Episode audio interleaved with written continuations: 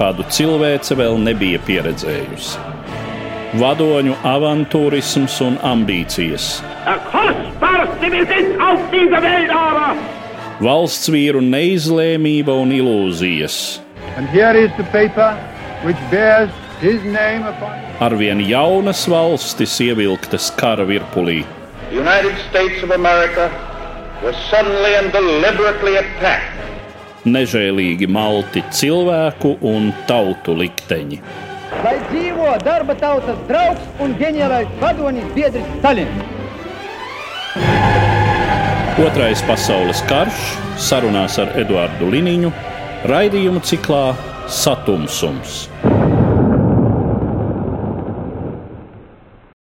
Labdien, cienījamie klausītāji!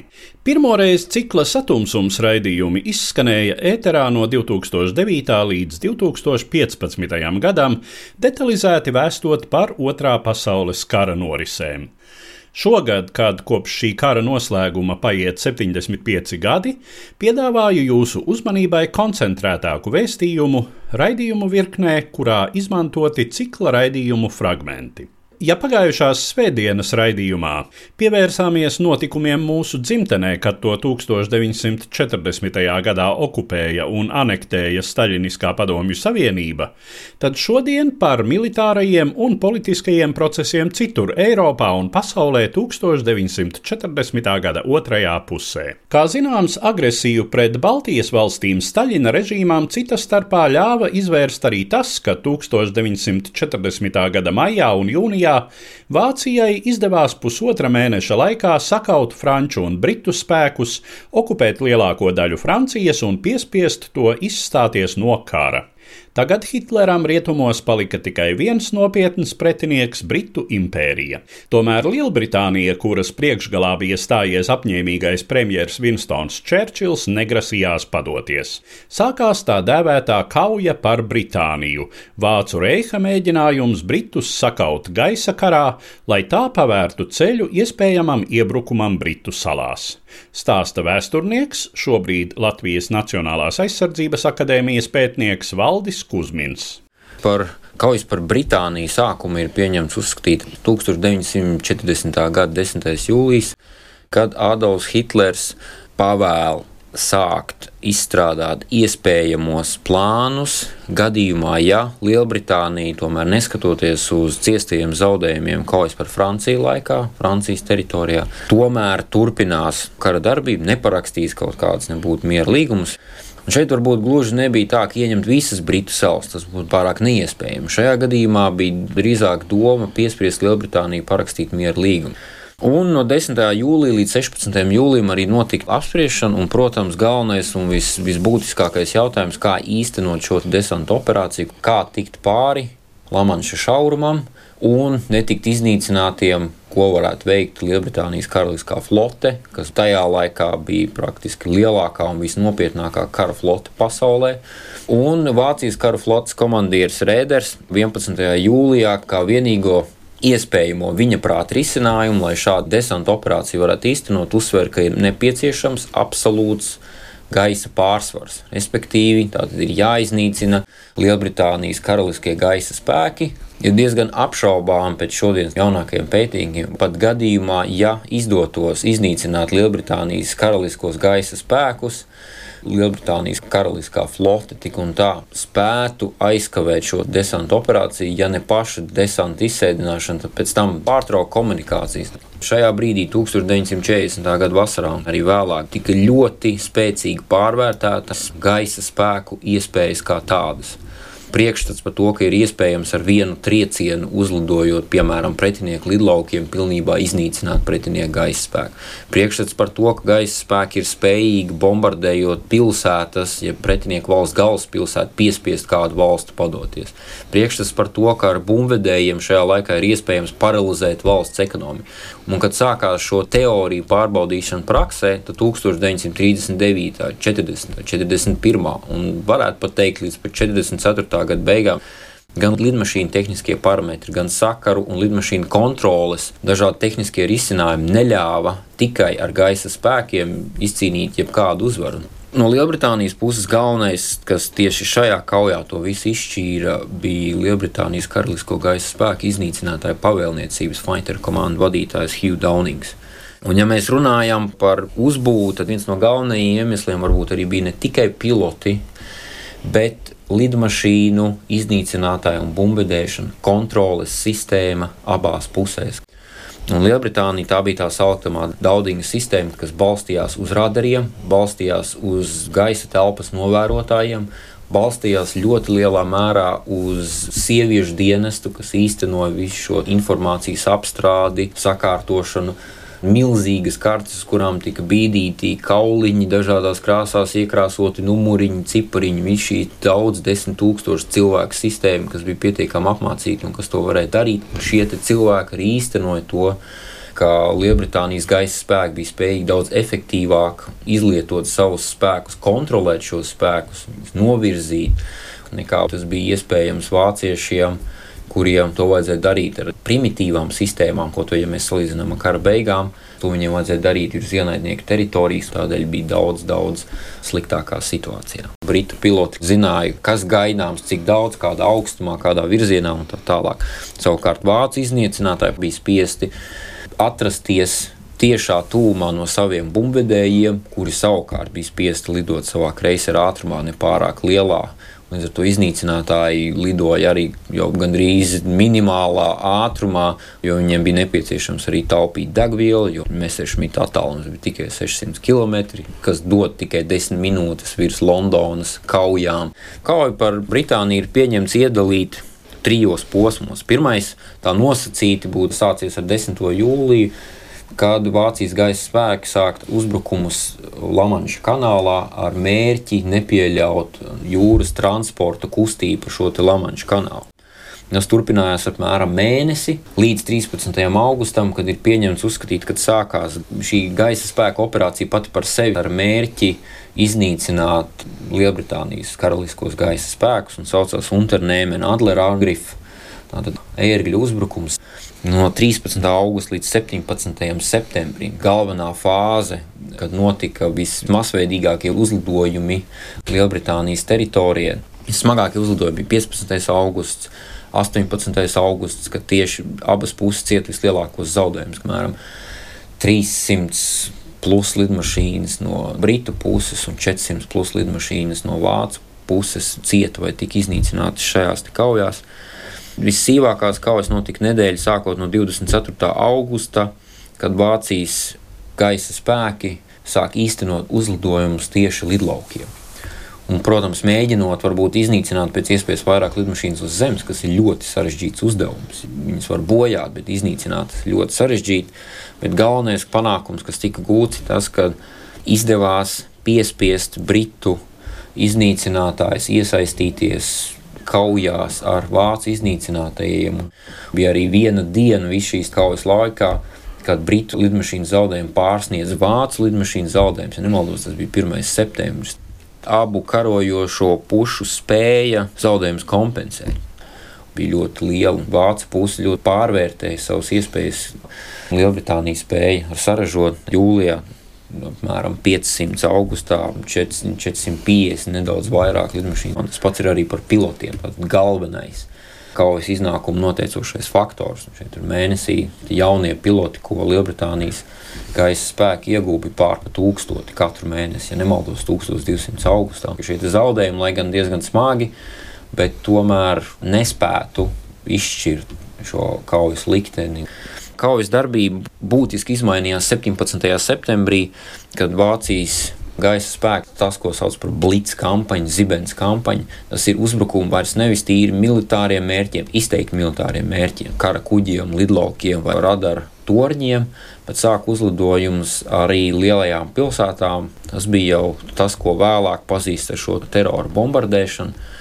Un ļoti bieži tika rakstīts, ka tas bija tāda Hitlera un Gēringa lielākā kļūda, ka viņi ļāvās iesaistīties civilo mērķu bombardēšanas kampaņā. Jo 1. un 25. augustā tieši Lielbritānijas karaliskie gaisa spēki veica uzlidojumu Berlīnē. Tas ir kā emocionāli spied Gēringu un Hitleru sākt bombardēt Londonu, tādā veidā atbrīvojot iznīcinātāju lidlaukus no tiem uzbrukumiem, kas bija notikuši divas nedēļas iepriekš. Nu, ir pieņemts uzskatīt, ka šī kauja par Britāniju beidzās 31. oktobrī, lai gan nelielas intensitātes kaujas darbība turpinājās praktiski, varētu teikt, līdz pat otrā pasaules kara beigām. Vēl viens līdzeklis, ar kuru Vācija mēģināja iznīcināt Britu impērijas gribu karot, bija zemūdeņu karš Atlantijas okeānā. Turpina Valdis Kusmins. Kauja par Atlantiju nav tikai zemūdeņu karš. Sākotnēji lielāko uzsvaru mēģināja likt uz dažādām citādām kara darbības formām. Tur bija gan mēģinājumi izmantot līniju kuģus, no paša Bismarka, kurš jau savā pirmajā izbraucienā gāja bojā. Tad bija mēģinājumi ar šiem reideriem, jeb maskētiem kara kuģiem, kas izskatās kā tirzniecības kuģi, mēģināt bloķēt Lielbritānijas tirzniecības ceļus un satiksmi ar ārpasauli nonāca pie secinājuma, ka tieši zemūdens bija tas efektīvākais līdzeklis, kā Vācija varēja šo mērķi sasniegt. Problēmas veidojās ar kara darbības juridisko pusi ko drīkst gremdēt, kā drīkst gremdēt un kā nedrīkst gremdēt. Un tad bija šīs totālais zemūdens karš, kas gremdē visu, kas kustās ar atsevišķiem ierobežojumiem, vai arī gremdē tikai kara kuģus, kuģus, kas dodas jūrā zem, nu, piemēram, šajā gadījumā Lielbritānijas kuģi. Bija tāda diskusija, ja problēma, ko darīt ar kuģiem, kas kuģo zem neitrālu valstu karogiem. Ja šie bija klasiskie kara kuģi vai šie reideri, viņi varēja pie kuģa ierasties, pārbaudīt kādas preces ved, pārbaudīt papīrus, un tad šīs kuģis tiek vai nu nogremdēts, vai tiek atlaists brīvībā. Tas slavenākais reiders Atlantis šādā veidā arī kuģus gremdēja, un beigās uz paša Atlantis atradās jau vairāki desmiti sagūstīti kuģa komandu. Šeit bija vairākas problēmas. Problēma numur viens ar radio palīdzību šie tirzniecības kuģi mēģināja dot ziņu, kā rezultātā vai nu kreisers vai reiders tiek diezgan ātri lokalizēts un noķerts, vai arī zemūdeni, kas ir vēl briesmīgāk, jo zemūdeni praktiski ir neaizsargāti. Ja, jebkurš pat tirzniecības kuģis var mēģināt viņu taranēt un šādā veidā nogremdēt. Un beigās, protams, jau kara darbības gaitā šī cīņa iegūst totāli kara iezīmes, kad gremdē praktiski visu, kas dodas Lielbritānijas virzienā, ja mēģina šķērsot Atlantijas okeānu. Zemūdens kara taktika, kuras autors varētu teikt bija Karls Dēnis. Un tas mērķis bija nogremdēt vairāk kuģus, nekā Lielbritānija būs spējīga uzbūvēt.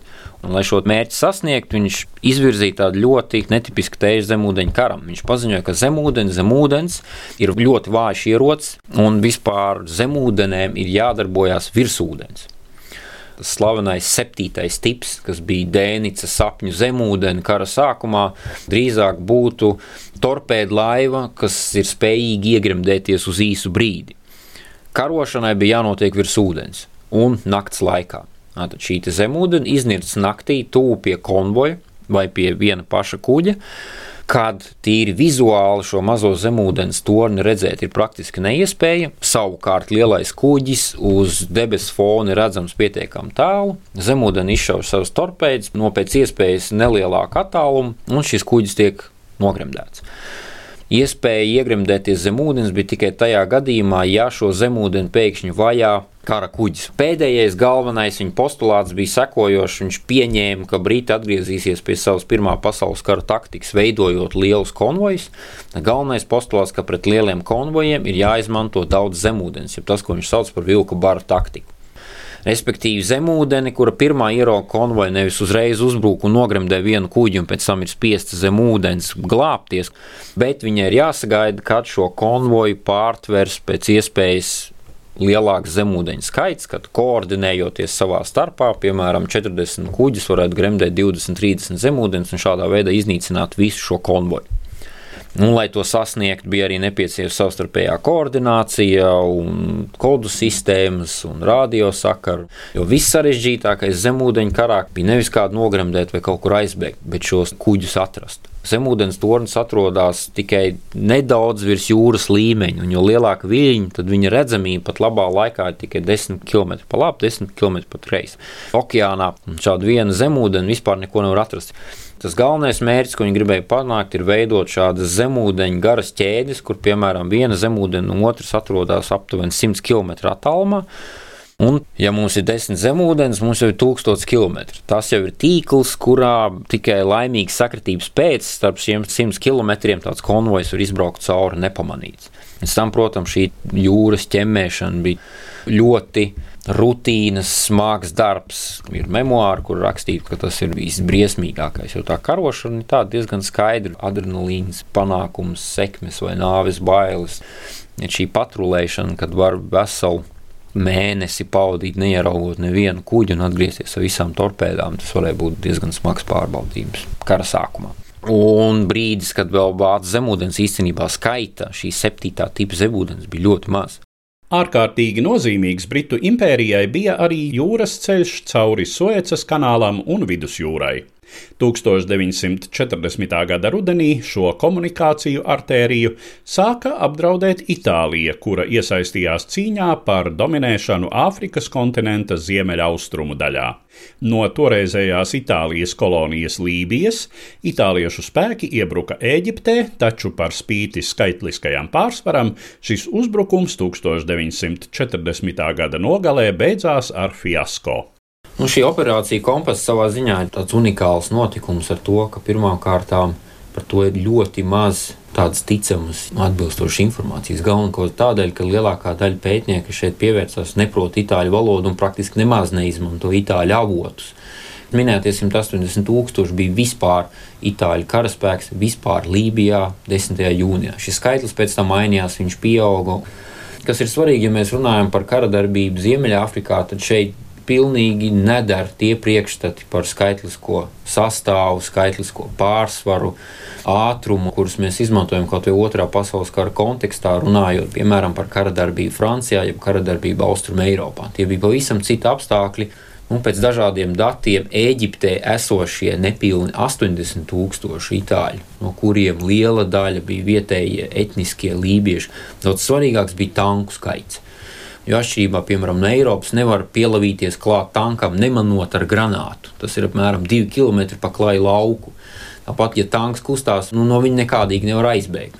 Izšķirošā sākotnējā fāzē, 9., 10., 11. decembrī, ko pazīst arī kā piecu dienu kauju, nometņu kauju Eģiptes teritorijā, pret 125 itāļu tankiem, no kuriem tikai 22 bija bruņoti ar lielgabaliem. Kaujās tika iesaistīti nepilni 300 Lielbritānijas bruņoto spēku tanku, 60 bruņotie automobīļi un plus vēl nezināms skaits, vairākos simtos tā sauktie Brengan Carrier, kas arī pēc kaujas spējām varētu nedaudz tikt pielīdzinām lielākajai daļai no itāļu tankiem, un šo brenu ložmetēju, teiksim, tā burtiski viņu tūko pārvietotāju skaitu neviens nezina patiesībā. Nevienā literatūrā nevar atrast, cik daudz viņi ir. Nu, tie ir ložmetēji, kas ir uzmontēti uz visurgājējiem. Uz visurgājējiem, bet viņiem bruņu biezums ir tikpat liels kā lielākajai daļai itāļu tanku, un viņi ir bruņoti tieši tādiem pašiem ložmetējiem kā lielākā daļa itāļu tanku, bet viņu skaitu mēs nezinām. Vēl kas būtiski bija, protams, ir tie leģendārās Matilda Hildas tanki, Lielbritānijas pirmā modeļa kājnieka tanks, kura priekšējā bruņa bija 78 mm un kuru nevarēja iznīcināt pilnīgi nekādi Itālijas bruņoto spēku rīcībā esošie ne 47 mm pretanku lielgabalu, ne arī 75 mm artērijas vienības, kas bija viņu bruņojumā. Vienkārši neko nevar izdarīt. Šie Matildas tanki bija galvenais iemesls, kas šajās pirmajās kaujās arī nodrošināja šo operācijas kompasu panākumu. Un kas bija visbūtiskāk, ka šie 80 tūkstoši itāļu bija ar minimālu autotransporta skaitu. Izņemot varbūt pārsimtus kamieļus, nekādā savādākā veidā šī itāļa nevarēja pārvietoties Ziemeļāfrikā, izņemot kā tikai soļot ar kājām svelmainajā tuksnesī. Un tad, kad sākās šīs tā sauktās nometņu kaujas, šie 80 tūkstoši itāļu atradās piecās lielās nometnēs, kur viena otrai nekādīgi nevarēja palīdzēt. Savukārt šie 30 tūkstoši Lielbritānijas, jo sevišķi, ja mēs šeit runājam par 7. tanku divīziju un 4. indiešu divīziju, kas šajās kaujās piedalījās, viņi varēja piebraukt ar automašīnu, ar motorizētu artēriju, ar šiem tankiem piebraukt, iznīcināt vienu nometni un doties pie nākamās. Pirmais uzbrukums viskaujas spējīgākajai nometnei, kas atradās Nibeja nosacīta apdzīvotā vietā iznīcināja arī pirmo un visvairāk motorizēto itāļu karaspēku vienību, tādu improvizēto maletī grupu. ģenerālis Maletī pats šajā kaujā arī krīt. Līdz ar to praktiski šīs nometnes tiek iznīcinātas pa vienai. Pēc tam jau 1941. gada 3. janvārī sākās uzbrukums Bardijas cietoksnim, ko arī varētu nosaukt par vienu lielu nometni, kur atradās vēl 40,000 itāļu, kas arī praktiski divu dienu kauju laikā krita. Un jau 22. janvārī krīt Tobruka, kas bija galvenā Itālijas bruņoto spēku un arī kara flotes atbalsta bāze. Drīz pēc tam, kad itāliešu spēki bija uzsākuši iebrukumu Eģiptē, Itālijas vadonis Benito Mussolini uzsāka vēl vienu militāru avantūru, uzbrukot Grieķijai.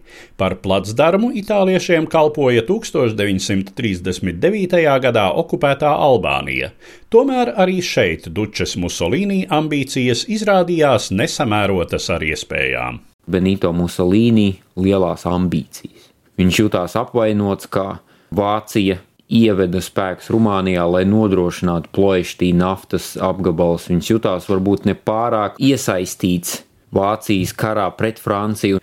Un līdz ar to 1940. gada vasarā Musolīni ir apvainojies uz Hitleru un nolēms ir sākt savu kabatas karu pret Grieķiju un šādā veidā parādīt, kurš tad ir saimnieks vidusjūras piekrastē. 1940. gada 28. oktobrī kad agrā rītā Itālijas vēstnieks iesniedz ultimātu, kurā tika izvirzīts dažādas Grieķijai nepieņemamas prasības. Un šī diena ir kļuvusi par nacionālajiem svētkiem Grieķijā, tā sauktā nē diena, kad Grieķijas premjerministrs atbildēja noraidoši šiem iesniegtajiem ultimātiem. Itālija principā neveica nekādu sagatavošanās priekšdarbus šai kara darbībai. Tās karaspēka vienības, kas atradās Albānijā, kuru Itālija okupēja 1939. gada 7. aprīlī, šīs vienības bija tās pašas. Mēnesi pirms šī iebrukuma, jau nedaudz vairāk tika veikta karaspēka demobilizācija pēc kara darbības beigām ar Franciju un nekas neliecināja, ka Itālija pati šeit kara darbībai pieiet ar nepieciešamo nopietnību. Un rezultāti arī nelika sev ilgi gaidīt un Grieķijas panākumi bija nenoliedzami. Grieķijas gan bruņoto spēku, gan arī visas Grieķijas tautas līdzdalība šajā karā liecināja, ka mazas valstis, ja viņas grib un šai lietai pieiet nopietni, līdzīgi kā pret Padomju Savienību to izdarīja Somija. Tāpat arī Grieķija pret Itāliju. Ja ir nepieciešamā sagatavotība un ir griba, tad arī liels valsts var ciest sakāvis karā. Tikām Vācija, kura tā arī nebija spējusi salauzt britu pretestību, mēģināja savus militāros ieguvumus Eiropā nostiprināt ar diplomātiskiem panākumiem. 1940. gada 27. septembrī Berlīnē tika parakstīts Savienības līgums starp Vāciju, Itāliju un Japānu, kuram vēlāk pievienojās arī vairākas Austrumēropas valstis.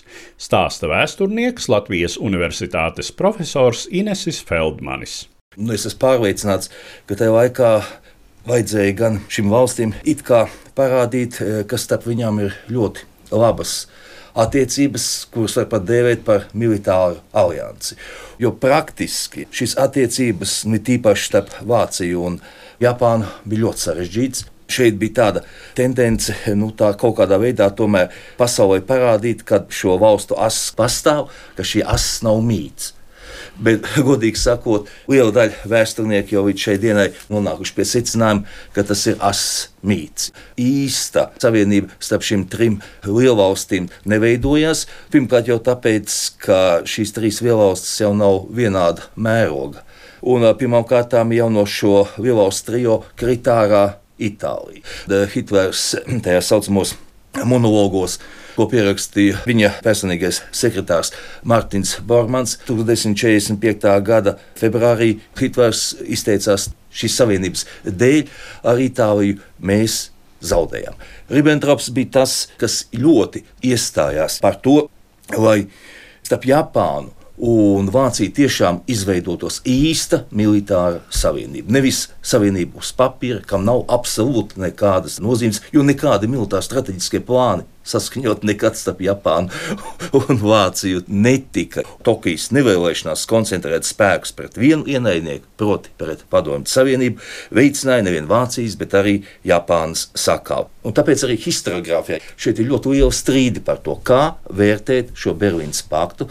Šodien, man liekas, historiografija atbild ir tāda, ka tā ir aizsardzības savienība. Un šādu viedokli pārstāv arī diezgan daudzi Vācijas vēsturnieki. Krievēsniekiem ir pretēji pozīcija. Nu, lielākajai daļai, tā tomēr ir jāvērtē kā militāra savienība, un uz ko balstās tie, kas dēvē šo Berlīnas paktu par aizsardzības savienību. Šķiet, Berlīnas pakta Trešajā pantā teikts, ka šīs e, valstis, kas svēt šo paktu, sniegs vienotrai militāru palīdzību tādā gadījumā, ja kāda no šīm valstīm kļūs par tādas lielvalsts uzbrukuma objektu, kura nav iesaistīta ne Eiropas karā, ne arī Japāņu, ķīniešu karā. Nu, tas ir pilnīgi skaidrs, kaut gan vārdā tā lielvalsts nav minēta, ka tā ir Amerikas Savienotās valstis. Tad, respektīvi, šī pakta būtība ir virzīta uz to, lai atturētu Amerikas Savienotās valstis no iestāšanās Otrajā pasaules karā. Tātad Berlīnes pakts deva Hitlera režīmām maz priekšrocību cīņā pret Britu impēriju. Gluži citādi izvērstos situācija, ja šim paktam izdotos piesaistīt Padomju Savienību. Turpina profesors Feldmanis. 1940. gada 12. novembrī Berlīnē ierodas e, padomju tautas komisārs Jačsels Molotovs. Viņš ved sarunas gan ar Vācijas ārlietu ministru Ribbentropu, gan ar pašu Hitleru, uz kādiem noteikumiem Padomju Savienība būtu ar mieru pievienoties triju lielvalstu paktam. Pretēji šodienas Krievijas historiografijā pārstāvētām viedoklim, Molotovs saka, ka Padomju Savienība ir ar mieru pievienoties, bet Padomju Savienības prasības ir eh, šausmīgi, šausmīgi lielas. Pirmkārt, Molotovs prasīja, lai Vācija atļautu Padomju Savienībai otrais sagraut Somiju. Padomju Somu kara laikā, kas norisinājās no 39. gada 3. novembra līdz 40. Eh, gada 13. martam, faktiski no to Padomju Savienībai neizdevās pilnībā realizēt. Noslēdzot Molotov-Ribbentrop paktu, Vācija jau bija atzinusi to, ka Somija ietilpst padomju interešu sfērā. 40. gada pašā rudens sākumā, nu, šeit domāju, septembrī, Vācija bija noslēgusi vairākas vienošanās ar Somiju. Tā izskaitā vienošanos par ekonomiskām lietām, par niķeļu, par koku materiālu piegādi. Šajā laikā jau Vācija bija okupējusi Norvēģiju, un viņai vai bija vajadzīga Somija, Somijas teritorija, kā zināmā mērā, vai tāda tranzīta vieta, vai varētu nu, karavīri no Norvēģijas vācu karavīri braukt atvaļinājumā uz Vāciju un varētu arī sūtīt eh, caur uh, Somiju nu, nomaiņu. Trešais galvenais apsvērums, kāpēc Hitlers negribēja pieļaut padomju savienībai otrais sagraut Somiju, bija tādas ļoti lielas aizdomas, ka Padomu Savienības tie tālajošie strateģiskie plāni paredzēja, ka Somija būs eh, zinām tranzīta teritorija, kur varēs izvērst karu pret Zviedriju. Un Vācija gribēja saņemt mierīgā ceļā Zviedrijas dzelzceļu. Tagad viņi baidījās, ka Padomju Savienība te var iejaukties. Molotovs tad prasīja arī vēl kaut ko no Rumānijas. No Rumānijas padomju Savienība bija iegūsta Besarābiju, bija iegūsta Ziemeļbukovina. Tagad prasīja Dienvidu Bukovinu. Un uh, Vācija to nevarēja atļauties atdot. Tā jau bija noslēgusi šo garantijas līgumu Rumānijai, bet arī tāpēc, ka tad um, Krievi pietuvotos Poeštī naftas rajoniem. Un mēs zinām, ka Poeštī naftas rajonos iegūtā nafta bija uh, galvenais kara vešanas avots Vācijai. Jo bez rumāņu naftas viņi vispār karot nevarēja. Vācija nokļūtu tādā padomju savienības aizbildniecībā, un padomju savienība jebkurā momentā varēja nogriezt šo kara vešanas avotu numuru viens. Padomju savienība arī izvirzīja pretenzijas uz pilnīgu Bulgārijas pakļaušanu, lai Vācija atļauj darīt ar Bulgāriju, ko Vācija atļauj gadu atpakaļ darīt ar Baltijas valstīm. Proti, uzspiest Bulgārijai savstarpējas palīdzības līgumu. Padomju Savienība prasīja, lai atļautu izveidot Vācija kara bāzes Bosfora un Dardaneļu jūras šaurumā. Ja, tā restīvi pretendēja arī uz ietekmi Turcijā, Grieķijā. Arī Hitlers nu galīgi nesaprata šo Moltovu izvirzīto prasību, ka Padomju Savienībai un Vācijai kopā ir jākontrolē izēja no Baltijas jūras uz rietumiem. Ko Vācija šo prasību vietā piedāvāja? Hitlers piedāvā ka tās ietekmes sfērai vajadzētu būt virzītai uz dienvidiem no Padomju Savienības robežām, Indijas okeāna virzienā. Atgriezies Maskavā, Molotovs informēja Staļinu, šeit padomju ārpolitiskā vadība pieņēma lēmumu arī rakstiskā formā izteikt savas prasības. Un šajā gadījumā runa ir par 1940. gada 25. novembra memorandu. Šajā padomju memorandā ir tieši rakstīts, es šeit citēju, zona uz dienvidiem no Batumi un Baku virzienā uz Persijas jūras līci tiek atzīta par Padomju Savienības teritoriālo tieksmju centru. Tad redzam, ka Padomju Savienība bez Eiropas tēmēja arī uz šo reģionu, un tur ļoti bagātajiem naftas laukiem. Memorandā paliek prasība par atļauju otrais sagraut Somiju, paveikt prasību arī par Bulgāriju. Nu, mazliet samazināts ir citas prasības. 25. novembra memorands diplomātijā tas ir zināms kurjos. Gan no Padomu Savienības, ka tik atklāti izsaka savas teritoriālās tieksmes, kurjos no cita aspekta Berlīna neatbildēja uz šo memorandu. Hitlers uzsvēra, ka šīs sarunas ar Molotovu viņu ir galīgi pārliecinājušas, ka ar Padomu Savienību nav iespējams ne par ko vienoties. 40. gada 18. decembrī Hitlers paraksta direktīvu numur 21, jeb restīvi plānu Barbaros. Tā nu 1940. gadam tuvojoties beigām, te jau visa kontinentālā Eiropa bija sadalīta totalitāro impēriju valdījumos vai ietekmes sfērās. Cīņas dunēja pamatā mūsu pasaules daļas perifērijā vai pierobežā, taču šis bija klusums pirms vētras, par kuru mūsu nākamajos raidījumos. Šajā raidījumā dzirdējāt vēsturniekus Latvijas Universitātes profesoru Inesi Feldmani un Latvijas Nacionālās aizsardzības akadēmijas pētnieku Valdi Kuzminu. Uzredzēšanos cienījamie klausītāji! Raidījumā šīs dienas acīm Cikls Satumsums - sarunas par Otro pasaules karu.